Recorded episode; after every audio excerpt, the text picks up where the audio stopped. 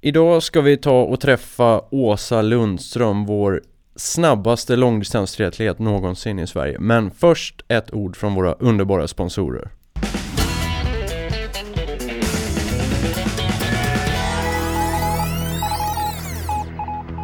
Unika människor presenteras av Compress Sport. Kompressionskläder av högsta kvalitet. Som lyssnare får du en rabatt på compressport.se med koden UNIKA. Välj Compressport för snabbare återhämtning, förbättrad prestation och för att förebygga skador. Vitamin Manager du är fortfarande unik och ditt kosttillskott kan också vara det. Använd koden 2017 för din första leverans för 95 kronor. Buff på köpet till alla nyteckningar på rabattkoden. Välkommen till vitaminmanager.com. Apollo Sports är Sveriges största arrangör av träningsresor och erbjuder träningshotell för alla intressen och nivåer. Kolla hashtaggen Apollo Sports för senaste update på Instagram. Superfruit, Nordens ledande varumärke inom naturlig och ekologisk supermat och raw foods. På superfruit.com får du som lyssnare 20% rabatt med koden GOJI. Tack för att du lyssnar. Nu kör vi!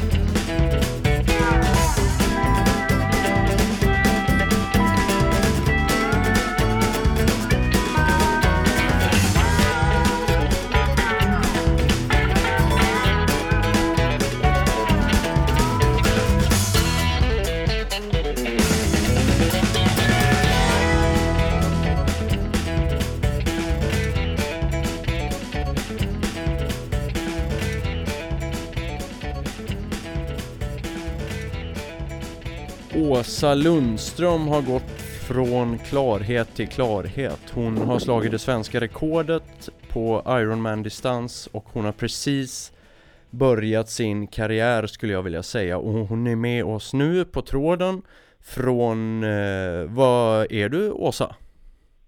Eh, jag befinner mig i det som nu är hemma, nämligen Huskvarna. Just det, Huskvarna. Just det. Och vi ska prata idag triathlon, läkarstudier, Ironman Hawaii och hur i helskotta Åsa Lundström från Dalarna kunde bli så snabb på triathlon. Du Åsa, det brusar lite där i bakgrunden. Ja, så gör det? Ja, du får sitta still när vi gör sådana här intervjuer. Ja, men jag, jag gör det. Men eh, ja, vi ser. Huskvarna ligger långt ut på vischan, vet du. Ja, det kan vara ja. det. Eh, Åsa, den där frågan, hur i helskotta kunde du bli så snabb på triathlon? Om vi bara börjar med den. Eh, vad... Ja, då kan vi prata, då kan vi prata timmen ut. ja, precis. Nej, men, och ja, alltså, man kan väl säga att det är väl många aspekter som spelar in i det. Eh, jag har, började ju med triathlon så sent som när jag var 24, eh, eller 25, då var jag 2008, 2009 där. Eh, så det kom, men däremot så kom jag ju från en idrottsaktiv bakgrund så att jag har ju tränat mycket annat även om det inte har varit just triathlonspecifika discipliner. Och så, jag, jag ska komma in i en klubb ganska tidigt och då fick jag mycket hjälp därifrån. Jag fick en egen tränare ganska tidigt. Det beslutet tog jag rätt så tidigt och då kändes det också som att jag fick en del, liksom jag fick, eh, jag kunde ta en del eh, genvägar i min utveckling för att jag, jag gjorde inte lika många nybörjarmisstag för jag fick mycket hjälp från alla håll från början. Um, och sen så eftersom jag hade möjlighet att dra ner på studiet och i triathlonsatsningen triathlon-satsningen en, en liksom 100 procent så kunde jag ju optimera min återhämtning och jag kunde optimera varje träningspass och då brukar det gå bättre. så det är många aspekter som gör i det och det är, jag är verkligen, jag måste faktiskt eh, börja med att säga att jag är verkligen ingen talang i någonting. Det har jag aldrig varit. Däremot så har jag alltid tyckt om att arbeta hårt och varit beredd att göra det. Så att, eh, och, och, och det lönar sig ju i en sån här sån här sport där man håller på, där liksom kontinuitet oftast ger avkastning i resultat. Mm. Eh, och jag ska introducera lyssnaren också till några, två av dina väldigt fina prestationer. Om vi börjar med Ironman Melbourne 2015 där du slog det svenska rekordet. Då simmar du på en timme, cyklar på 4.48 och sen springer ett maraton på 3.10. Och det blir alltså tiden 9.02.49 och det står sig som svenskt rekord på Ironman-distansen idag. Eh, och du ska få kommentera det, men jag vill också säga att Sen gjorde du en fantastisk prestation på Ironman Hawaii i år. Eh, eller då 2016. På, där du simmade utan våtdräkt då på 1.02 cyklade på 5.09 och sprang på 3.06 och du kom, om jag inte minns fel, sjua med den tiden. Var det så? Ja, nästan. Jag kom åtta med 28 sekunders marginal. Åtta med 28 sekunder. ja. Eh, ja. Så att de här två tiderna, eh, vilken av dem, det svenska rekordet eller Ironman Hawaii-tiden rankar du som störst i, i din karriär? Eh, det är nog eh, det som jag gjorde senast nu på VM, Ironman VM på Hawaii 2016. Eh, det är ju så det som hände i Melbourne, det är lite grann faktiskt. Så, alltså man kör sitt eget race i så stor utsträckning och visst finns det, fanns det förutsättningar för att det skulle gå rätt så fort. Men det var inget mål jag hade där och då att det var det svenska rekordet jag var ute efter och att det skulle bli en viss tid. Men det är klart man kanske tänkte lite på att om man har tur och det vindarna vill sig väl och benen vill sig väl så um, och det, jag är nöjd med den prestationen, absolut. Men eh, det som jag gjorde på Hawaii då när jag, eh, i fjol då när jag blev åtta eh, och sen hade jag eh, fjärde bästa löpsplit eh, och så slog jag mitt person, personliga rekord i, på maraton, avslutande mm. maratonet. Det, och det eh, kan man verkligen inte förvänta under de förutsättningarna som råder på Hawaii med hög luftfuktighet och det är kuperat och det är väldigt varmt sådär. Så, så att eh, även om sluttiden på den tävlingen egentligen är väsentligt långsammare så förutsättningarna som rådde gjorde att min eh, prestation var helt klart bättre. Och man ska ju också tänka lite på ditt track record på Ironman Hawaii. Det har alltså varit 2000, eh, du var där första gången 2014 va? Just det. Mm. Då var du, kom du på 17 plats. Och eh, sen åkte du dit 2015 igen, kom 11 mm. och sen åkte du dit 2016 och kom 8. Ja, du ser ju vart det är på väg. Ja, precis. Det är nästan så vi kan vänta oss en pallplats. Men eh, jag tänker på det här, du har, ju, du har ju haft en jättefin kurva uppåt hela tiden. Du har ju liksom verkligen från att, att vara ja, lite längre ner i fältet så är du ju faktiskt väldigt långt fram nu i, dina, i, i de stora internationella loppen. Eh, vad tänker mm. du om det? Ja, alltså eh, jag ehm, kan väl säga att jag har väl lärt mig, eh, dels genom studierna men också genom de här åren som jag har tränat, att, eh, att få kontinuitet och liksom längre perioder med, med bra, bra träning och så, det, det ger otroligt det ger otroligt mycket mer tillbaks än att man liksom pressar och pressar. Så gör man bra prestationer så kanske man blir skadad eller man försöker pressa kroppen lite för hårt. Så att jag har försökt redan från början att hellre backa en gång för mycket, en gång för lite. Och jag tror att jag har vunnit på det för att jag har inte haft oj, inte det. Men jag har inte haft så mycket skadeproblem, eh, vilket har gjort att jag har fått ganska genom åren liksom bra block med mycket träning och det jag tror att det har bidragit väldigt mycket till att det har kunna gett den här liksom stadigt, eh, stadiga progressionen i min utveckling.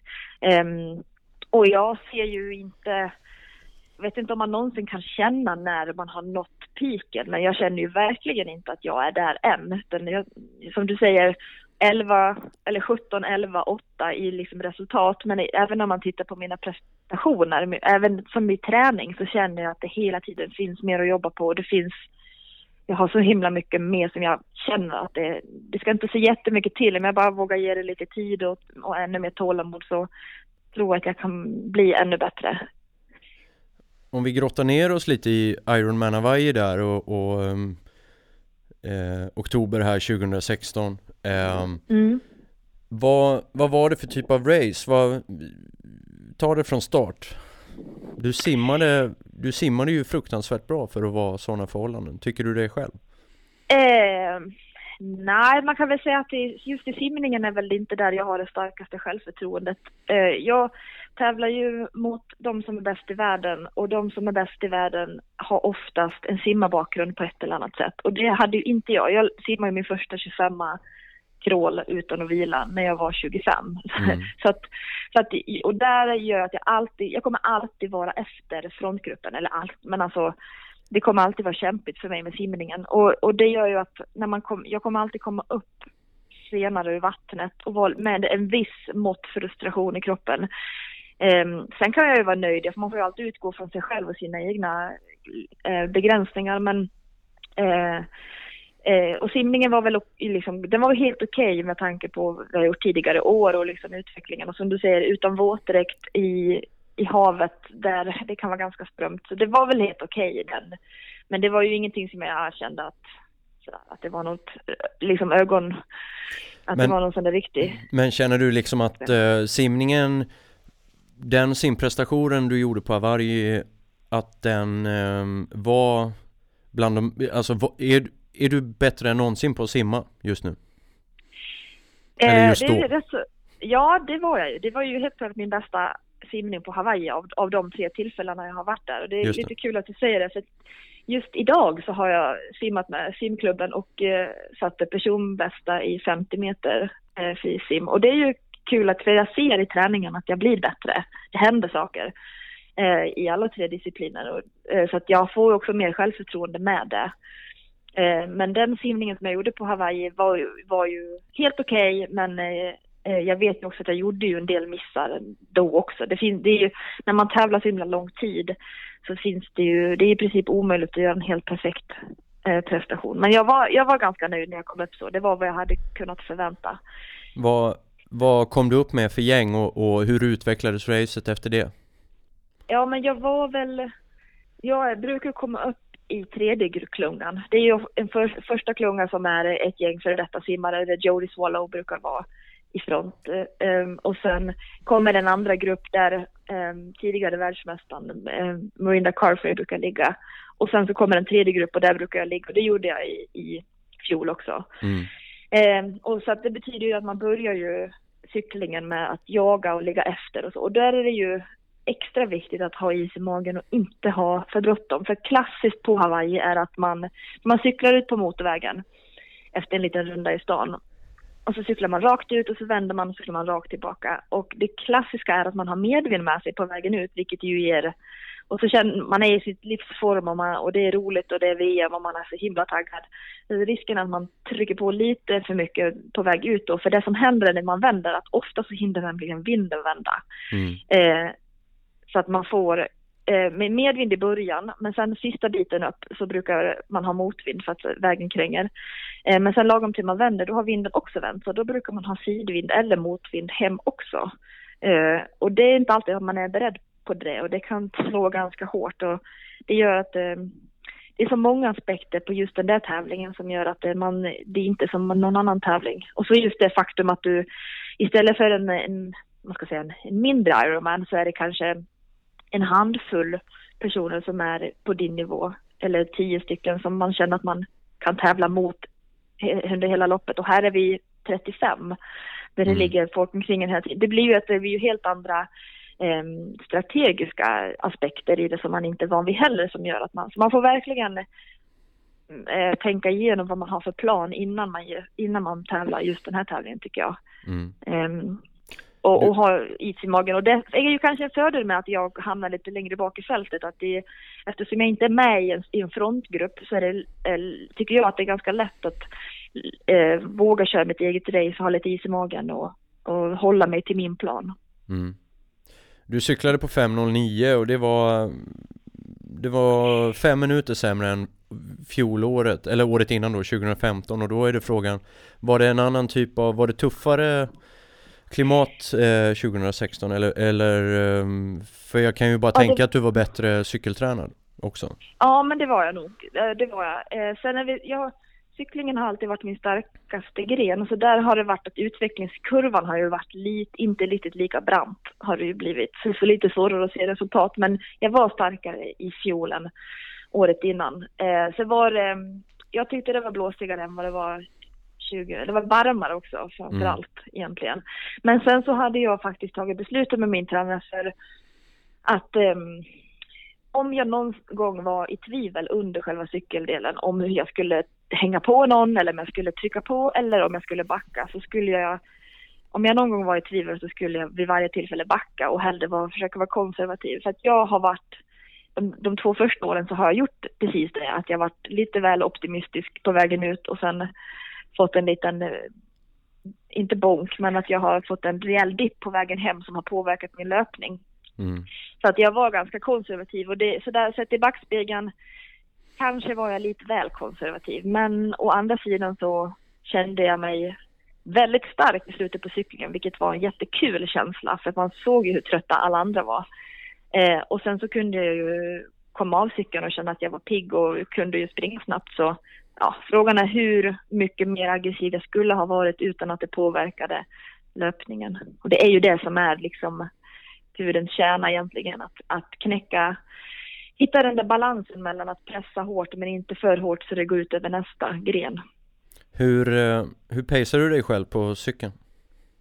Eh, jag har wattmätare mm. som jag inte följer slaviskt men som jag tycker är ett väldigt bra eh, värde att utgå ifrån, och ha riktmärken. Sen får, man får ju alltid, pulsen ligger ju i snitt tio slag högre nu för att det är så varmt.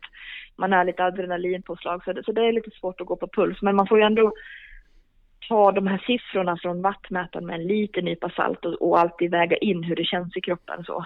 Men, eh, men effektmätaren är det jag tittar på mest. Men är det tillfällen under ett lopp som Ironman Hawaii till exempel där du känner att eh, shit, eh, wattmätaren eh, visar ju ingenting men jag har jättehög puls. Alltså, att, att det finns sådana här relationer mellan watt och puls ja. och där du är orolig eller blir så här förvirrad. Okej, vad händer nu?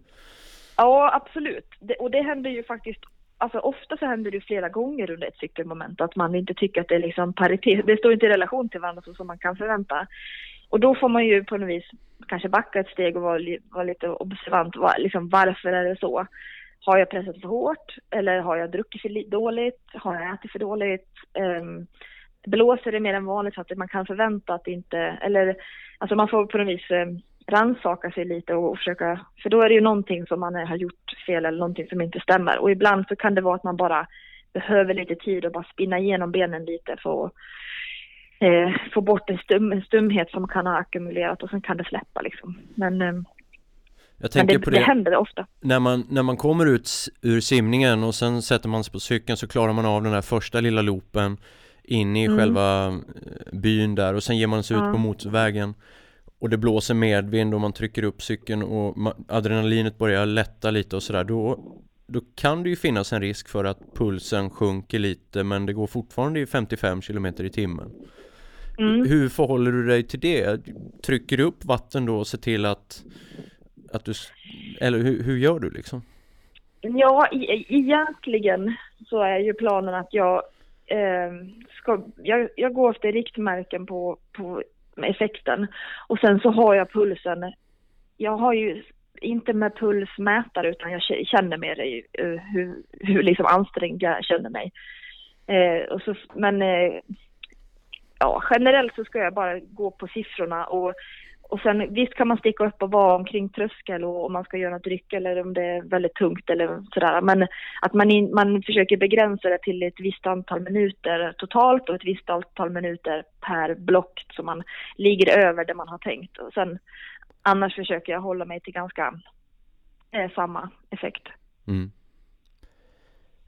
Um, och sen kommer du in till Kona igen Eh, eller till byn där igen och eh, ska börja springa och var ligger du då i fältet? Ja, eh, just nu som i fjol, då hade jag ju normalt sett så, jag börjar ju alltid långt bak och sen så arbetar jag mig liksom upp genom fältet och det gjorde jag i fjol också, men inte så mycket som jag hade kanske hoppats på. Så jag tror att jag kliver av cykeln, när de, precis när jag kliver av och börjar springa så hör jag någonting om 19 plats, men att jag bara har fem minuter upp till topp 10. Så vi ligger väldigt, väldigt tätt. Men eh, först då, för jag hade ju som mål att placera mig topp 10 då. Och så kliver man av cykeln när man vet att cykeln är den starkaste disciplinen och så får man höra du ligger på 19 plats. Mm. Oh, det är, då, det är då du kommer på att, ja just det, det här är världsmästerskap och alla ja, har toppat ja, och all, det här är världens bästa triatleter här just nu det var precis det jag tänkte. Alltså det var verkligen lite sån här kalldusch. Jag bara, alltså Åsa, vad tror du egentligen? Det här är VM och du satsar på topp 10. Eh, sådär. Men sen, så, sen får man ju försöka liksom, och det har man ju lärt sig också man, av erfarenhet när man har varit där, att inte liksom ta något, liksom uträkna något eller någon, utan bara kör din grej. Det är, liksom, det är ju slutet på löpningen där allt händer. Och mycket riktigt, alltså jag hann inte mer än ja, 10-15 kilometer och så hörde man att den gick och den satt vid vägrännen och grät och den hade vänt och så, så det, det, är, eh, det är många som kanske satsar lite fort på cyklingen och, och så ja, får man betala flerfaldigt på löpningen. Hur, eh, hur lägger du upp eh, strategin för löpningen? Har du, har du liksom ett, ett typ på Hawaii då är det ju lite speciellt så har du mm. riktmärken och checkpunkter för dig själv som du jobbar med? Eh, tider eller, eller kilometertider du, du vill pacea liksom? Ja, eh, egentligen så har jag väl gener generellt när jag kör att de första fem kilometerna på löpningen så försöker jag, då får jag inte springa snabbare än. För ofta så är det ju faktiskt så att man, man är så stel och det känns så konstigt när man kliver av cykeln. Så att då tror man att man springer jättelångsamt. Eh, och sen så, har, och så tänker man, åh det här går så långsamt för man är också van med den här fartkänslan på cykeln. Och så springer man i, så slutar det med att man faktiskt springer alldeles för fort. Eh, så, men, eh, så de första fem kilometerna får jag inte springa snabbare än. Men, och sen så håller jag, försöker jag bara fokusera på att få in en bra rytm på löpsteget och på känslan och, och och bra, liksom inarbeta strategin med att äta och dricka. För det är ju e- särskilt viktigt på Hawaii då. Sen, har, sen försöker jag faktiskt göra en checkpoint mer eller mindre var femte kilometer och värdera liksom, känns det bra? Eller ska jag trycka på mer eller ska jag hålla mig och men oftast så eh, går, försöker jag i alla fall första halvan av morgonen och bara eh, hålla mig till min plan, hålla mig till mitt pace, inte göra några stora utsvävningar och tro att jag, det är liksom inte, inte tro att jag är superhjälte just den dagen då kan jag vara superhjälte de sista fem kilometerna i så fall. Och i de sista fem kilometerna, det är då jag ska springa som om jag har stulit någonting i mm. princip. alltså känslan ska vara det, men det blir ju ofta att pacen blir ganska stabilt, men eftersom du blir så otroligt mycket tröttare så, så är ju känslan som att du, du kutar. Men utifrån sett så ser det ut som att du ser precis likadan ut som du gjorde första fem kilometrarna. Min, minns du vad du splittade halvmarorna på, eh, på Hawaii? Nej, det gör jag faktiskt inte. Men jag vet att eh, det var, min tränare sa att jag var en av de som hade mest stabil pace. Mm. Jag tror att det var ganska lika. Ja. 3.06.42 på eh, maran på Hawaii, det, det måste du vara väldigt stolt över. Ja, men jag är eh, väldigt, jag är väldigt nöjd eller stolt över den, över det resultatet. För att min tidigare snabbaste maraton var eh, 3.07 och det var på alltså en helt pannkaksplatt bana eh, med svensk sommarförhållanden. Eh, och nu pratar vi 85% luftfuktighet, 35 grader varmt, blåsigt och, och faktiskt ganska kuperat, mer kuperat än vad man kanske kan tro. Eh, så att jag, ja, jättenöjd är jag med det egentligen. Och det, det kanske framförallt att jag ändå fick bevisa för mig själv att jag faktiskt har en löpnivå som kanske ligger lite det, är inte, det var inte så här one hit wonder grej utan jag har den löpningen i mig och det här är första gången som den fick komma ut på tävling vilket ju var en, en viktig bekräftelse för mig själv. Ja, och, också om man tittar på historiskt sett eh, vad de bästa löparna på Hawaii presterar så ligger du ju där omkring. Jag menar, jag vet inte om det är någon kvinna som, det, det är nog några tjejer som har sprungit under, under tre timmar va? Men... Ja, det är det. Ja, Mirinda Carter bland annat, hon, är ju, hon brukar ju kunna mäta sig med de killarna som springer mm. snabbast. Så det, det är väl en handfull som ligger där omkring. Men, Precis under tre eller så.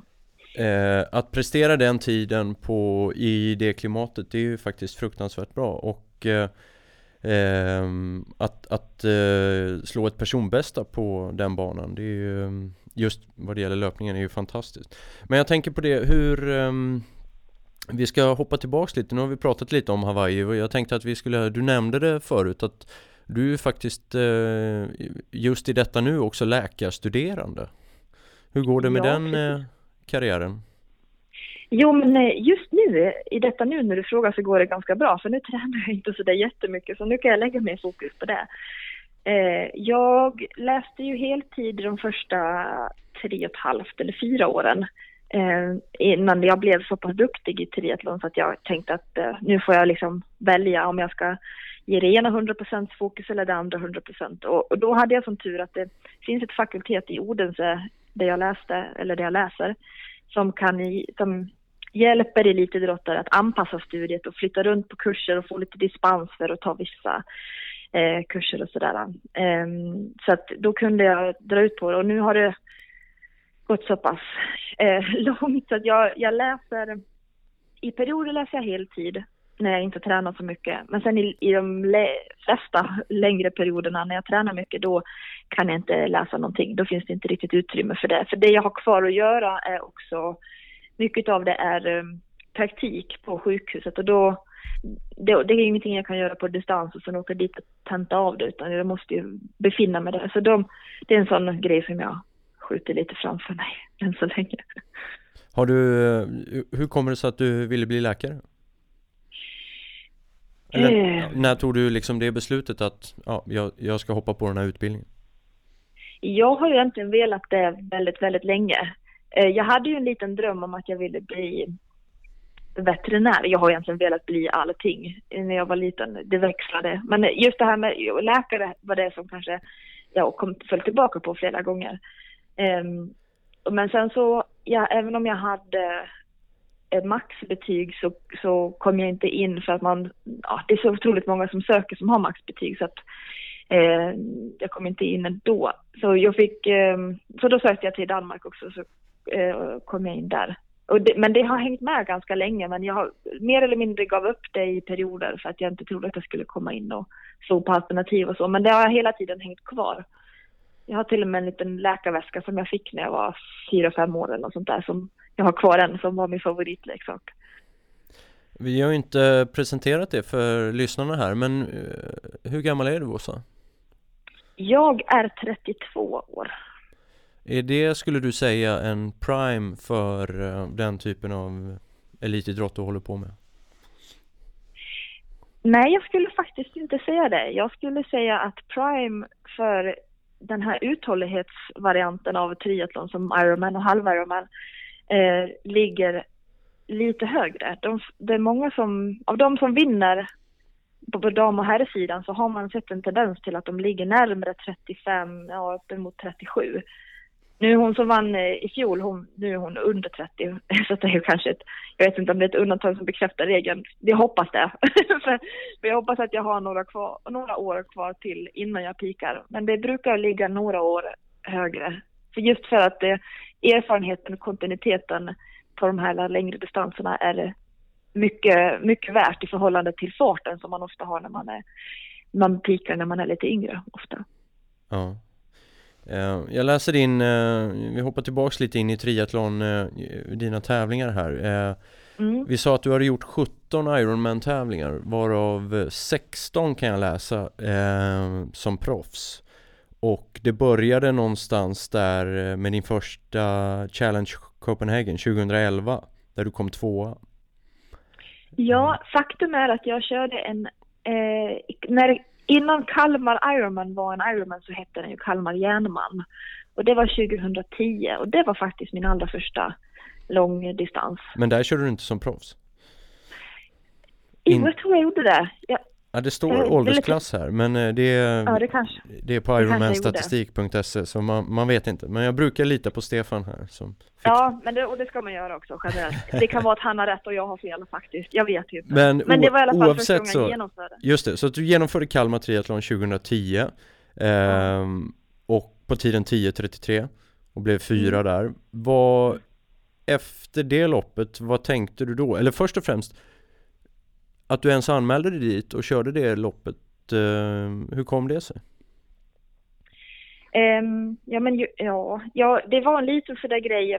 Först så skulle jag lära mig att simma 25 meter crawl och sen så skulle jag prova en triathlon och så vart det en sprint och sen så skulle jag prova en, eh, om det var olympisk som blev nästa och sen så, så höll det på sådär och, och när jag hade då genomfört min första halv så tänkte man att och redan då, eh, som min allra första tävling och när det då situationstecken bara var en halv, så kände jag att eh, ju längre loppet gick desto mer stabil eller ju mer stark blev jag i förhållande till mina konkurrenter. Och då väcktes ju såklart nyfikenheten direkt. Ja men en Ironman då, hur skulle det bli? Och det är ju fortfarande en av mina styrkor att jag är stark i slutet på loppen. Mm. Eh, så det var bara, och sen bestämde jag och eh, min gamla gymnasiekompis Emma Graf som också är triatlet eh, att vi skulle göra det tillsammans.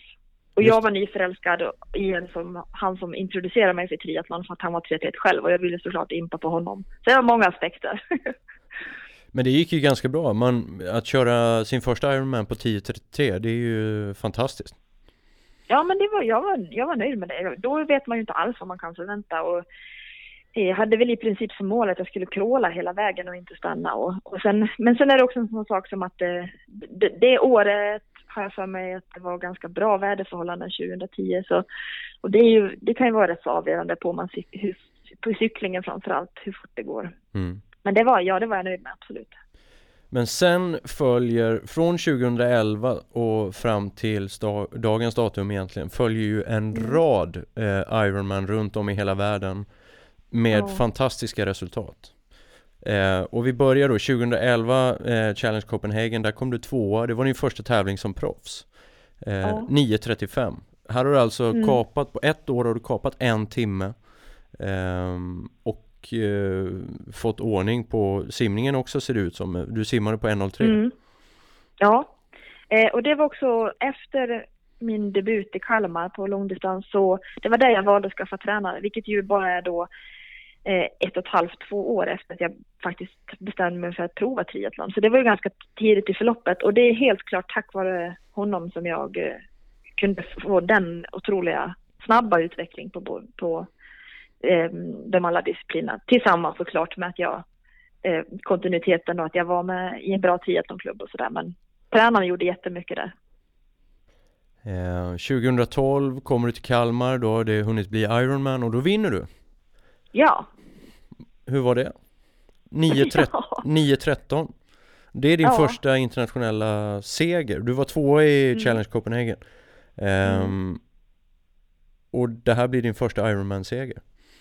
ja, min första officiella Ironman och min första Ironman-seger. Och första gången Ironman hölls i Sverige. Och Lisa Nordén hade precis tagit ett eh, OS-silver i triathlon. Så triathlon var ju liksom stekhett. Det var ju Mm. Och sen att jag fick vinna den tävlingen, det var, ja, det var faktiskt eh, helt enormt kul. Ehm, upploppet i Kalmar är ju väldigt speciellt, att det är nästan en kilometer långt. Man ser liksom målfållan. Och folk hängde över sådana här kravallstaket och, med, och high five. Alltså jag kände mig som en rockstjärna. Det var verkligen super, super häftigt. Och eh, hur var motivationen efter det? Hur, hur kändes det att börja? För sen, eh, jag vet inte om det fanns en tanke om att köra Hawaii redan tidigt här, men eh, du väntar hela vägen till 2014, men du åker sen och kör Ironman Florida. Ja, det Eh, gick ju inte så bra där. nej, där dippar du lite, men eh, förklara varför. Jag fick eh, egentligen tre punkteringar, men i alla fall två där jag fick stanna och laga. Och Mm. sen så var jag inte någon hejare kanske på att laga punktering med, med adrenalinpåslag och stress och darriga fingrar. Så- det, det, var, det var säkert samma punka som gick upp. Um, och då, och det, då tappade jag modet lite. Eh, och, och i princip gav upp lite grann på den tävlingen. Eh, när det, jag tappade otroligt mycket tid på cyklingen. Sen ska jag faktiskt erkänna att Eh, sen dess så har jag inte varit någon hejare på att prestera på topp eh, så sent på året när det har varit fulldistans. Halvår har gått bra men inte fulldistans. Och frågan är om det är kanske att man ofta har en ganska lång säsong och man är ganska, men för mentalt så är det oftast det som är begränsningen när man ska sätta sig upp och köra ett till race snarare än att återhämta sig fysiskt. Och det kanske är så att jag eh, inte riktigt har den där sista edgen på, på slutet av året. Men Ehm, det motbevisar du ju lite i fjol då, om du, du presterade så bra på Hawaii. Vad skiljer, hur mycket skiljer i tid mellan Hawaii och Florida? eh, du menar i tidsskillnad? Ja. I, Alltså, ti- nej, eh, tid på racen. Florida ligger, åh ja, oh, oh. Ja, det, november ligger, låg den. Ja just det. Ehm, och Hawaii ligger i oktober. Men Ja. det nog, hänger nog lite grann ihop med vad jag har kört innan. Och då låg ju Kalmar i, i mitten på augusti. Just det. Ehm, och när jag har kört Hawaii då har jag inte kört en Ironman förrän ja, tidigt på året. Så jag har haft Mm. lång tid på mig att återhämta mig och bygga upp igen. Så jag, det kan hänga ihop med det. Men det kan också vara att det sätter sig lite som spöken i hjärnan också. Jag vet inte. Mm. Eh, om vi hoppar lite, sen kör du ju Sen kör du Austria, Lake Tahoe, Arizona, Melbourne eh, Cairns, eh, nu ska vi se, men du vinner Lake Tahoe 2013 eh, Mm. Har jag drömt det? Men det är väl en ganska tuff eh, bana? Den är jättetuff. Och det är väl en sån grej också som jag har blivit varse om att ju tuffare det är desto bättre för mig. Alltså också ju längre det blir desto starkare blir jag förhållandevis. Och i Lake Tahoe där var det ju eh, kvällen innan så började det ju snöa och blev jättekallt och jättedåligt väder. Så att när vi kom ut ur vattnet, det var ju superhäftigt, det var ju ett otroligt läckert ställe. Um, men när vi, och, och sjön är helt kristallklar och eh, väldigt djup, så temperaturen är ganska stabil. Så. Eh, men när man kom ut ur, ur vattnet så eh, var det så kallt då så att det var frost i sanden så att det var ju de som skar sig på, på sanden för att det var is i. Och folk, ehm, man fick ta på sig lager på lager innan man gav sig ut på cyklingen. Det var väldigt kallt. Eh, och så var den ganska kuperad, banan. Men eh, Men blev du stark Sen- av det? Kände du liksom redan innan start att ja, fan vad kul att tävla idag? Eller kände du liksom bara Nej fy fan det här är som ett jävla skämt alltså Eh, lite både och faktiskt. För å ena sidan så, alla vill ju tävla i, i optimala förhållanden för att då, det sliter ju minst och det, liksom, det är roligast.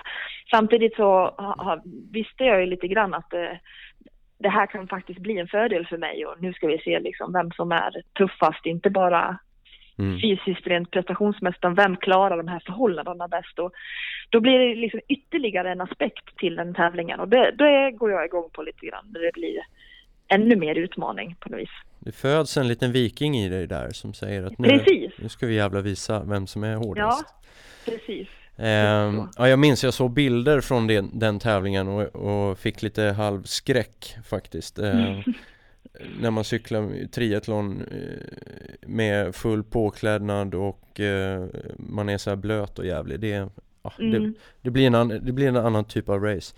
Ehm, precis. Sen eh, Arizona, Melbourne, Cairns, eh, säger man så? Eh, Ja, Cairns kanske? Cairns, Ja, eh, ja. Hawaii 2014 och ehm, hur eh, var det första gången du kom till Hawaii och skulle köra? Det var ju väldigt häftigt. Man har ju följt tävlingen, eh, man har ju med online och suttit och kollat på livesändningar och sådär. Och att få, få vara på plats och inte bara vara på plats men faktiskt vara inkluderad av en av de här få, av, av liksom så många aktiva, så är det alltså 35 stycken kvinnor som kvalar och jag var en av dem. Jag kände, det var ju liksom, allting var så himla stort och det var så laddat när jag var där. Så det, jag försökte att se det som en alltså verkligen bara njuta av upplevelsen och, var, och jag var medveten om att jag var, det var så mycket som var nytt, tävlingen är så speciell, det är det alla säger. Så att jag var lite grann där för att lära och jag gjorde mycket misstag också. Eh, men eh, det, jag var väldigt eh, fascinerad. Jag kan säga att jag kände mig lite grann som en statist.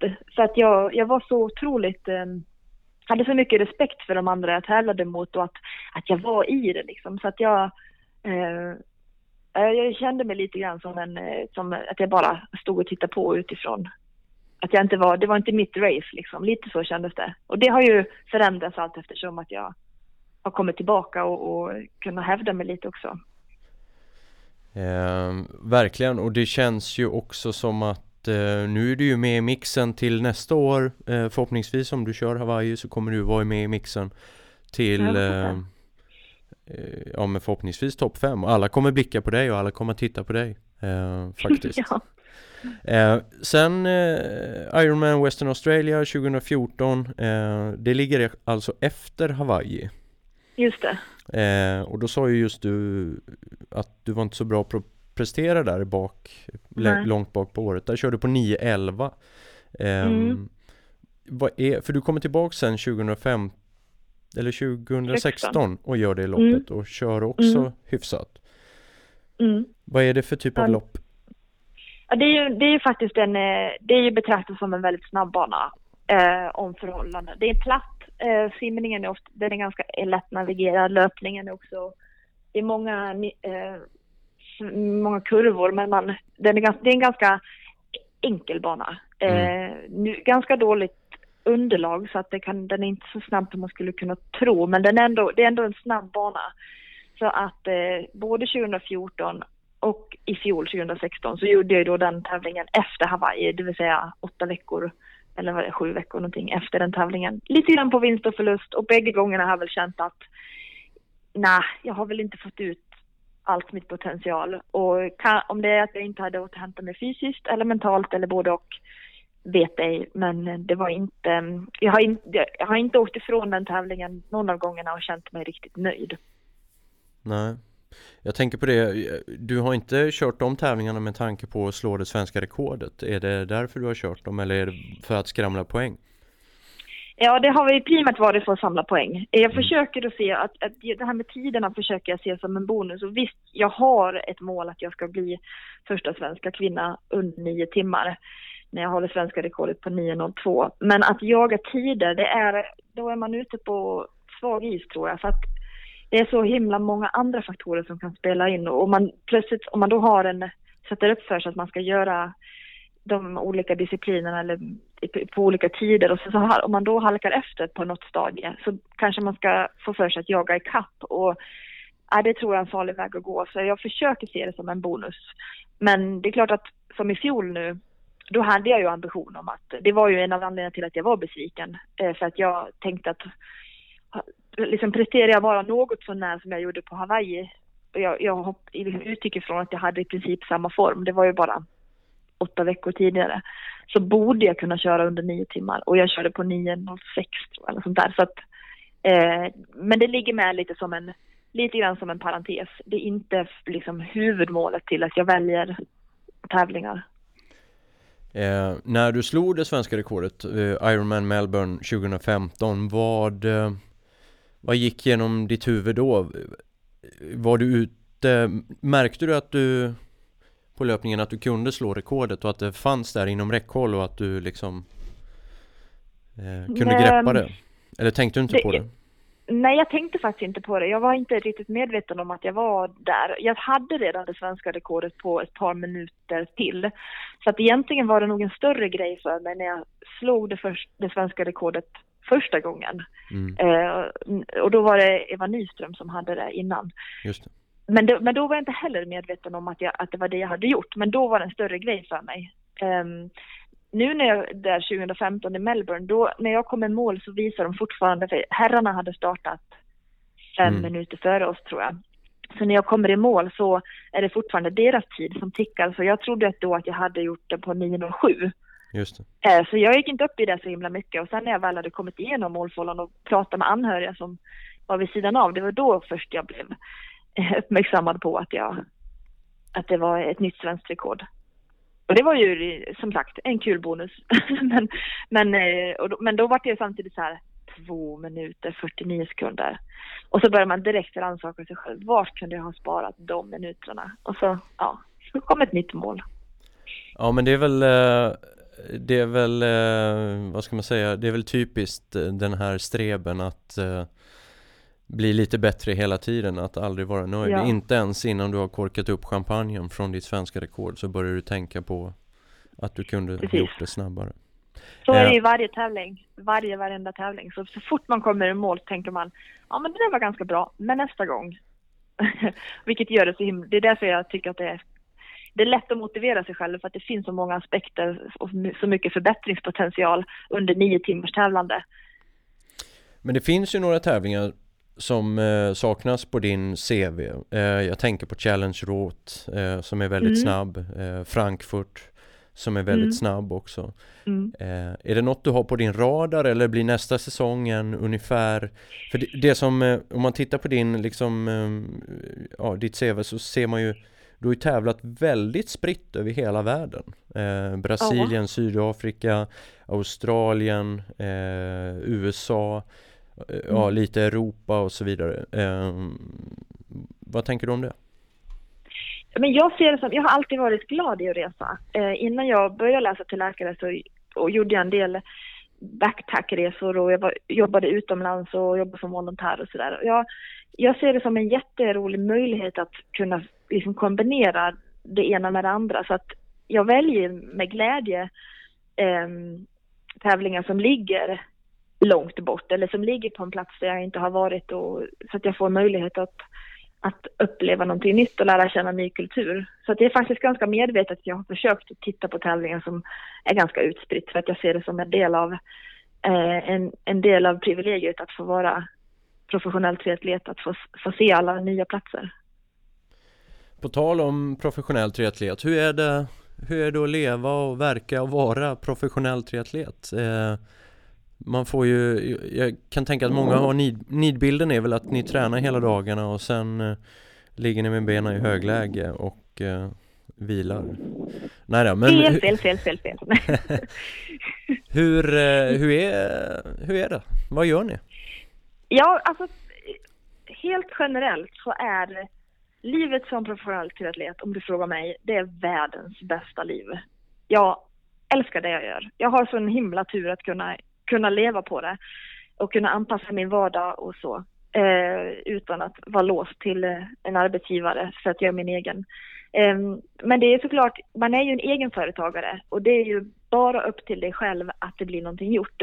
Både träningen, också att ekonomin ska funka och, och ehm, vi, ja, vi tränar mycket, det gör vi. Det blir många, jag, man, alltså man tränar ju många timmar och det blir framförallt som kanske inte många tänker på att det blir många pass. Man tränar kanske 15-18 träningspass, tränings, olika träningstillfällen på en vecka. Vilket gör att det, det går mycket tid, det är transporttid och man ska äta innan och man ska äta efter och man ska plan, liksom duscha, bara en sån sak. Hur mycket tid lägger man inte på det i veckan? Nu är det inte det största problemet, eh, men eh, det, det har inte den som fyller rätt så mycket av ens tid. Eh, och sen den ekonomiska aspekten eller det här jag då så, dessutom som inte är med min eh, sport eh, som är Ironman är det inte knutet till eh, Riksidrottsförbundets eh, stöd. Just det. Så att jag får ju, jag, man är som Ironman-atlet är man, står man helt på egna ben och ska fixa hela sitt supportteam runt omkring sig och även allt alla sponsring och all planering av resor och tävlingar och så, och hitta tränare, det är upp till en själv. Så det, och det blir ganska mycket administration av det, mm. eh, faktiskt. Man, jag, det är nog ingen underdrift att jag i snitt sitter ett par timmar om dagen eh, med någonting som är relaterat till triathlon, om det så är eh, ekonomi eller sponsorer eller planering eller Eller podd. Eller podd, ja, precis. Men eh, hur mycket av det, när, om vi tänker så här att i början av din karriär när du kanske inte hade bevisat för de andra att eh, ja, du, ja, jag tänker på den ekonomiska aspekten vad det gäller sponsorer mm. och sådär.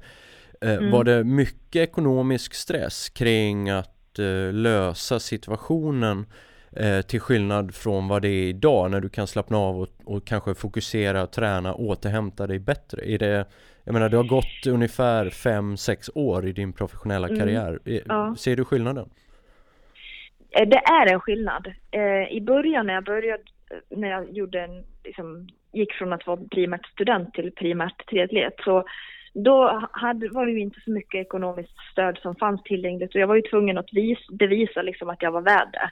Mm. Och då, men det, med det så följde det ju heller inte så mycket administrativt arbete. Eh, sen har det det arbetet har ju ökat progressivt för år till år.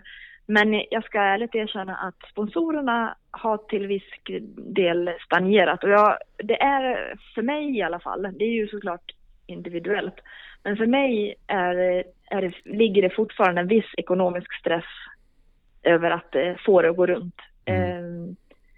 Men, eh, men sen är det också mycket andra saker eftersom man har blivit lite mer man säger offentlig person så är det ju lite mer andra grejer, men som en podd eller en intervju och man ska hålla någon litet föredrag och sådär. Men det, det tycker jag är ju väldigt kul. Jag vill ju gärna göra alla de här sakerna men eh, det, det är klart det tar ju, man ska ju ta tid för något annat då. Så just att ligga med fötterna i högläge, det händer faktiskt inte så himla ofta.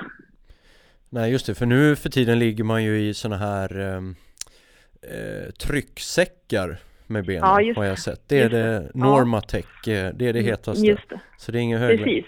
Funkar de tror du? Du som är halvt läkare också. Ja, alltså jag, jag har ju ett par sådana själv, så då, därför så med det sagt så ska jag ju egentligen säga absolut tror jag att det funkar. Mm. Men å andra sidan om någon skulle säga till mig att det är vetenskapligt bevisat att om du står på huvudet, dricker ett glas vatten och snurrar ett varv varje dag så kommer du bli snabbare. Då skulle säkert alla börja göra det också. Så att det, det, man ska tro på det för att det ska funka. Det är en av de viktigaste sakerna. Placebo ska man inte underskatta. Men eh, i teorin i alla fall så ska ju den här typen av återhämtning med tryck eh, öka eh, blodcirkulationen och ve, liksom vendränagen i benen. Och ja, teoretiskt så skulle det kunna, för det hjälper eh, personer med nedsatt cirkulation. Så i teorin så skulle det också kunna funka på atleter som egentligen är friska människor. Men det finns inte sådär jättemycket understött eh, eh, bevis på att det är att det faktiskt funkar. Men jag eh, personligen kan känna att det, eh, benen känns i alla fall fräschare. Sen om de egentligen är fräschare, det, det, det kan jag inte svara på. Men det känns, jag tycker det är, en, det, det, är, det är värt det. Det är en skön känsla efteråt. Har du övergett eh, kallbad?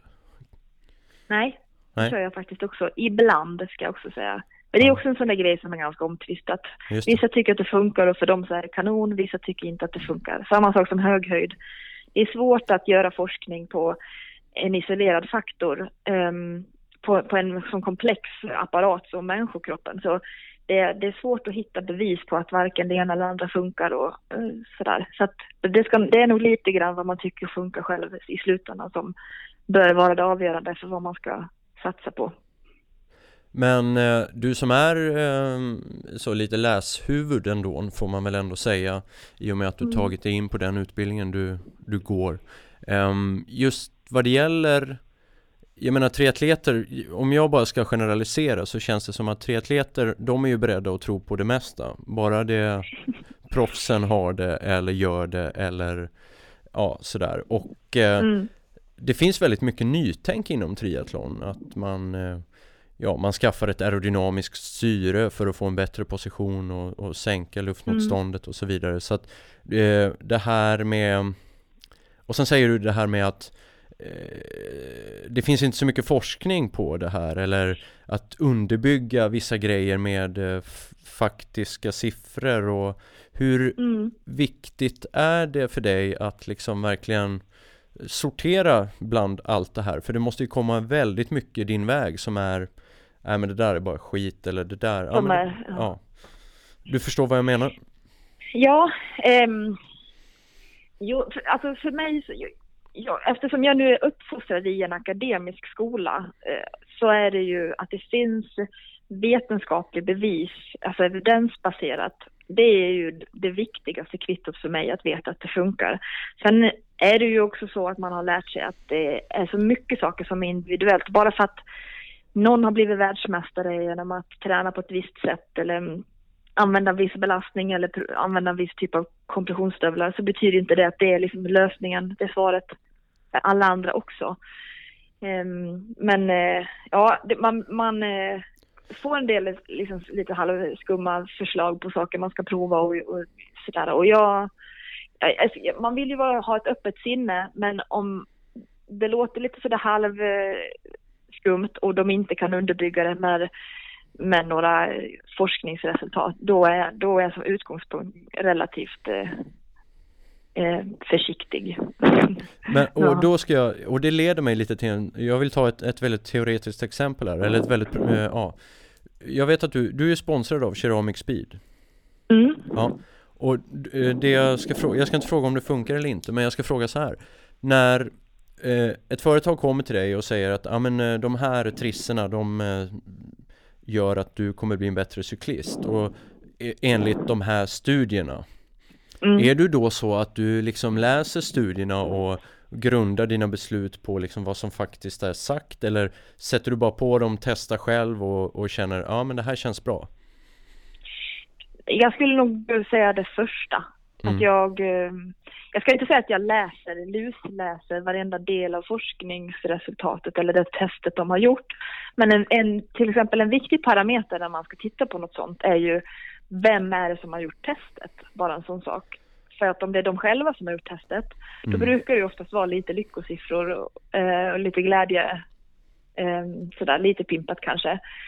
Ehm, och sen så vill man ju gärna veta hur testet har föregått och hur, alltså, för att kunna bevisa hur många har varit med när de testade. Liksom, är det fem personer i, i ett test, då är det kanske inte så jätte, liksom, eh, inte så jättebrett, alltså, lika stabilt resultat eller testresultat. Så jag, jag brukar försöka titta på vad det är för typ av test och sådär. Men, och, men alltså, om det är någon som presenterar en massa siffror för en först så kan det ju ibland vara lite svårt att inte vara färgad redan Mm. innan man tar testet. Det är svårt att vara objektiv ibland kanske. Men, men för att jag ska kunna om jag ska börja representera något eller någon och, och föra informationen vidare så måste jag vara säker på att det är, att det är liksom rätt, att det är trovärdiga, trovärdig data. Och då vill jag undersöka det själv först. Mm. Och jag kan inte undgå eh, frågan, men funkar det? Speed, Aha, ja det gör det. ja det gör det. Det gör det. Jag ska inte säga, jag känner, alltså det är inte så att man känner en skillnad. Att man, oj oj, vad herregud vad lätt jag trampar på här. Det, det kanske någon gör, jag är ju inte det. Jag är inte tillräckligt eh, eh, finkänslig när det kommer till sånt. Men eh, det funkar, eh, både teoretiskt och eh, praktiskt när man har gjort tester. Att eh, det är en skillnad. Mm. Det är därför jag har det ju. Ja, det är därför du har det. Spännande. Ehm, jag tänkte på det, hur ser eh, framtiden ut för dig här nu? Nu kommer du ur en säsong, du satsar lite mer på dina studier nu och sen eh, när liksom kickar du igång 2017 och vad är det, vad är det vi kommer eh, se dig i för tävlingar framöver? Eh, jag kommer ju ha som huvudmål Ironman VM. Mm. Nu har ju, i och med att jag körde i, Sydo, eller, i Australien nu i december så har jag redan kvalat dit. Så då kan jag ju som du säger fokusera lite mer på studiet nu på våren och ta det lite lugnt. Så jag ska göra lite mer praktik. Men eh, säsongen kan man väl säga är igång, kickar redan så tillvida att jag har strukturerad träning och eh, tränar ganska mycket. Men eh, tävla ska jag nog först göra eh, i mitten på maj med några halva Ironman och slutet på maj. Nu ska jag faktiskt gifta mig i början på maj. Och det, är ju, det, det kräver ju sina förberedelser bara det.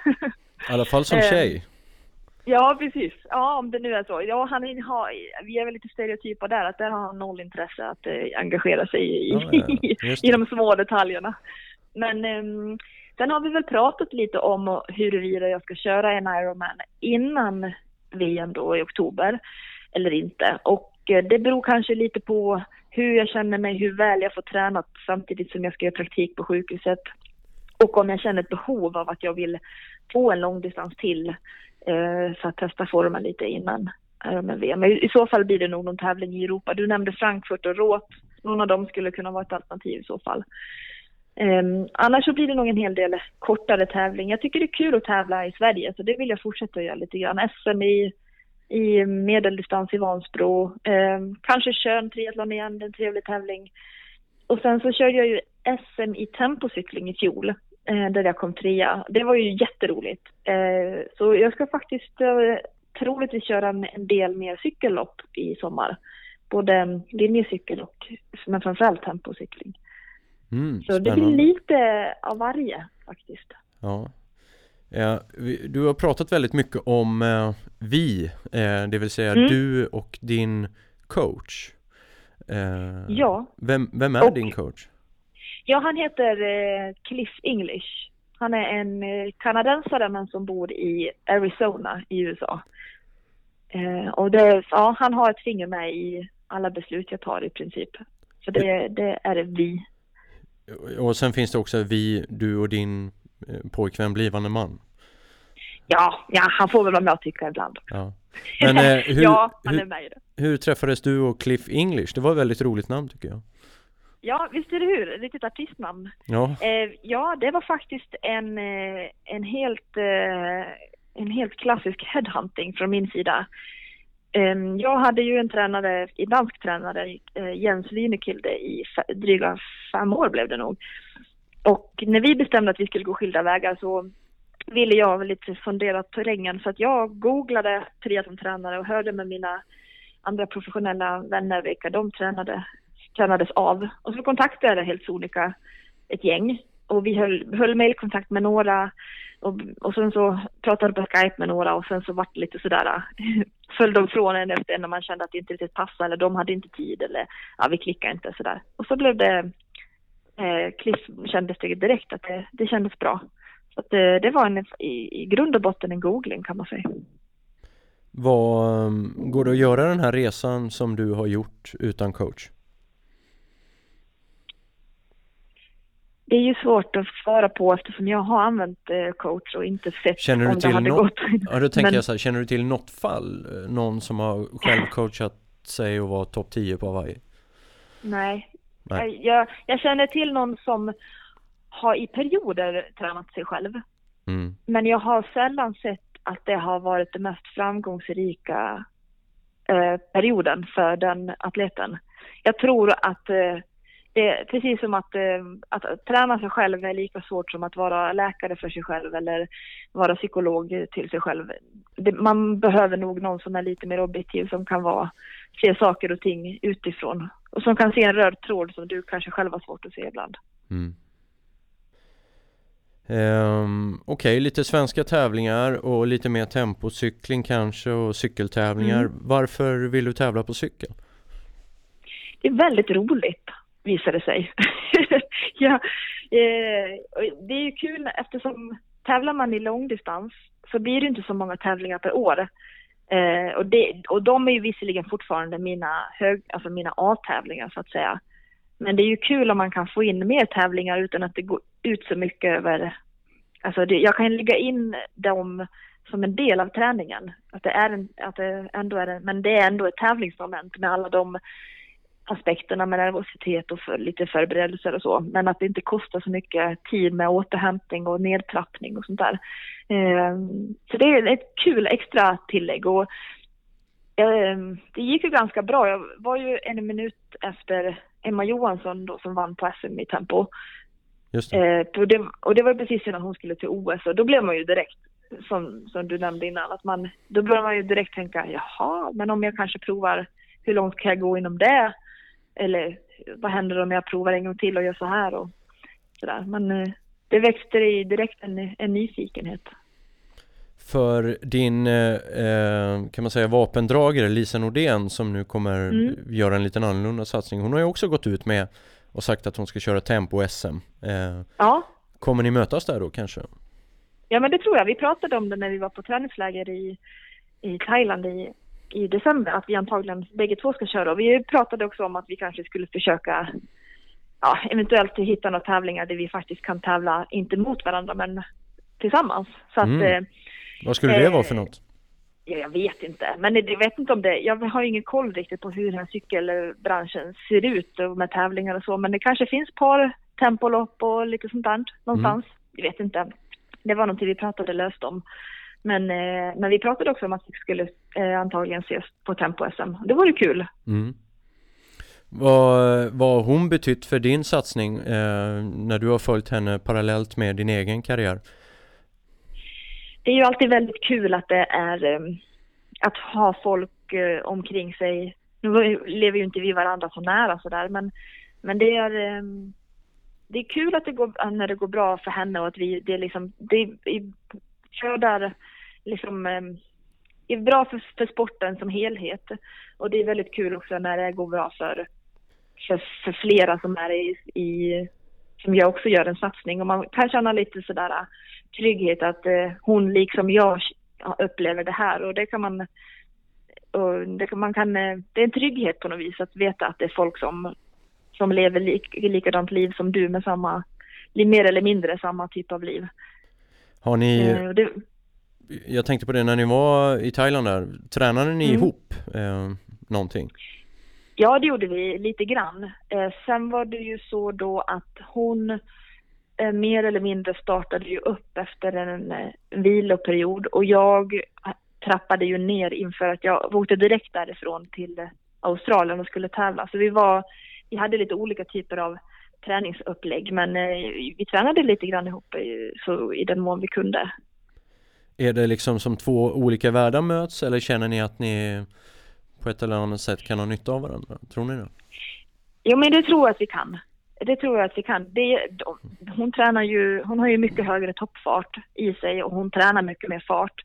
Men hon ska också cykla långa pass och, eh, och också lite grann där som jag försökte komma in lite på innan, att vi, det är en, vi har ju lite samma typ av livsstil och, och, det kan vara skönt att umgås med folk som, kan, som man vet förstår en till hundra procent och då kan man ha glädje i det bara att, att uh, ha en tränings, någon träningspartner som vet, vet precis vad man, man behöver inte förklara så mycket för de vet precis vad man ska säga och vad det är som gäller och hur man känner och tänker och sådär. En sista fråga, var du bjuden på Idrottsgalan? Det var jag inte. Nej, det var fan det jag visste. Det är besvikelse varje år. För, förhoppningsvis så kanske de uppmärksammar triathlon till nästa år och byter ut Thomas Brolin mot dig. Vad tror du om det? ja, vi får väl se. Annars får väl jag också börja bli krögare för att se om det händer någonting. Ja, precis. Världens snabbaste krögare. ja, jag får kanske, vi får väl se, det får väl kanske bli ett av mina mål, ett av mina delmål, att jag ska bli så pass duktig till atlet att jag blir inbjuden till Idrottsgalan. Faktum är att det var precis det jag sa till Filip när jag satt i soffan. Jag ska bli så duktig till atlet så att jag ska få sitta där en annan gång. Ja, ja det, det ser vi fram emot. Eh. Men som sagt, eh, jag vet inte, kriterierna för det där eh, urvalet är ju... De Lite kan, godtyckligt kanske. Ja, Eh, det känns som det. Eh, Åsa, är det något du vill tillägga eller eh, säga till lyssnarna i podden eh, innan vi lägger på? Um, nej, jag, ty jag tyckte det var väldigt kul att prata om, eh, om de saker vi har pratat om och jag hoppas att det har inspirerat folk till att, eh, att våga prova och våga satsa. Och jag är ett levande exempel på att det aldrig är för sent. Det går om man vill. Precis som jag faktiskt. För jag känner igen mig väldigt mycket det du pratar om och jag läser en väldigt bra bok eh, på ämnet just nu som heter Grit. Mm -hmm. eh, som är skriven av en eh, psykolog, lärare, ja hon är forskare, hon är lite allt möjligt men hon har skrivit en eh, bok på engelska som heter Grit eh, som jag nu lyssnar på efter ett tips från en kompis och eh, för han sa så här att Jojje du ett levande exempel på att talang eh, eh, eller så här, hårt arbete överglänser alltid talang. Eh, Precis. Så att eh, jag menar, jag var en talanglös triatlet men jag lyckades ändå ta mig till Hawaii eh, och mm. köra relativt fort. Ehm, och triathlon är ju som du sa i början ett fantastiskt en fantastisk idrott som man kan ägna sig åt i många, många år utan att mm eh, gå sönder eller, eller mm. eh, ja, bli trött på det. Ja, ja verkligen. Åsa, tack så jättemycket för att du eh, kom till den här podden Unika människor och eh, vad ska du göra resten av dagen? Jag ska sätta mig faktiskt med datorn och göra lite skattefrågor här på eftermiddagen och sen så ska jag köra ett, eh, ett, ett inomhus trainerpass på 90 minuter och sen blir det nog kväll. Kanske fötterna i högläge en stund faktiskt. I högläge? I påsarna, i Normatec-påsarna. Ja, nej, i ärlighetens namn, det kommer jag inte hinna. Jag har lovat mig själv att jag måste tvätta bilen idag. Så det blir nog det istället. Men jag hade ett väldigt, bara för att avsluta med det, eh, där var du tänkt, eh, som jag, jag hade en kompis som eh, just vad det gäller eh, på ämnet vad man tror på, alltså mm. det gäller att tro på det. Han snurrade alltid sitt glas med vatten eh, lite extra så att det blev en sån här virvel i det. Sen svepte han det, sen mm. sa han så här Jag vill få i mig rörelseenergin. Mycket bra. Eller Smart. hur? Den kan du ta efter. Mm. Kan du göra mm, det med det alla, alla muggar man tar på Hawaii där så kan du ja. Så om jag går ut och tvättar bilen så kan jag kanske få i mig lite hästkrafter Ja precis, du ser Nu är vi ja. där nu är vi där ja. ja. Ja men tack själv Jojje Tack så jättemycket, ha en bra dag och tack ni som lyssnar. Du har lyssnat på podden Unika människor med Jojje Borssén i samarbete med Compressport, Vitamin Manager, Apollo Sports och Superfruit. Glöm inte att ge podden ett betyg i iTunes. Sprid podden genom hashtaggen unika människor. Tack för att du lyssnat!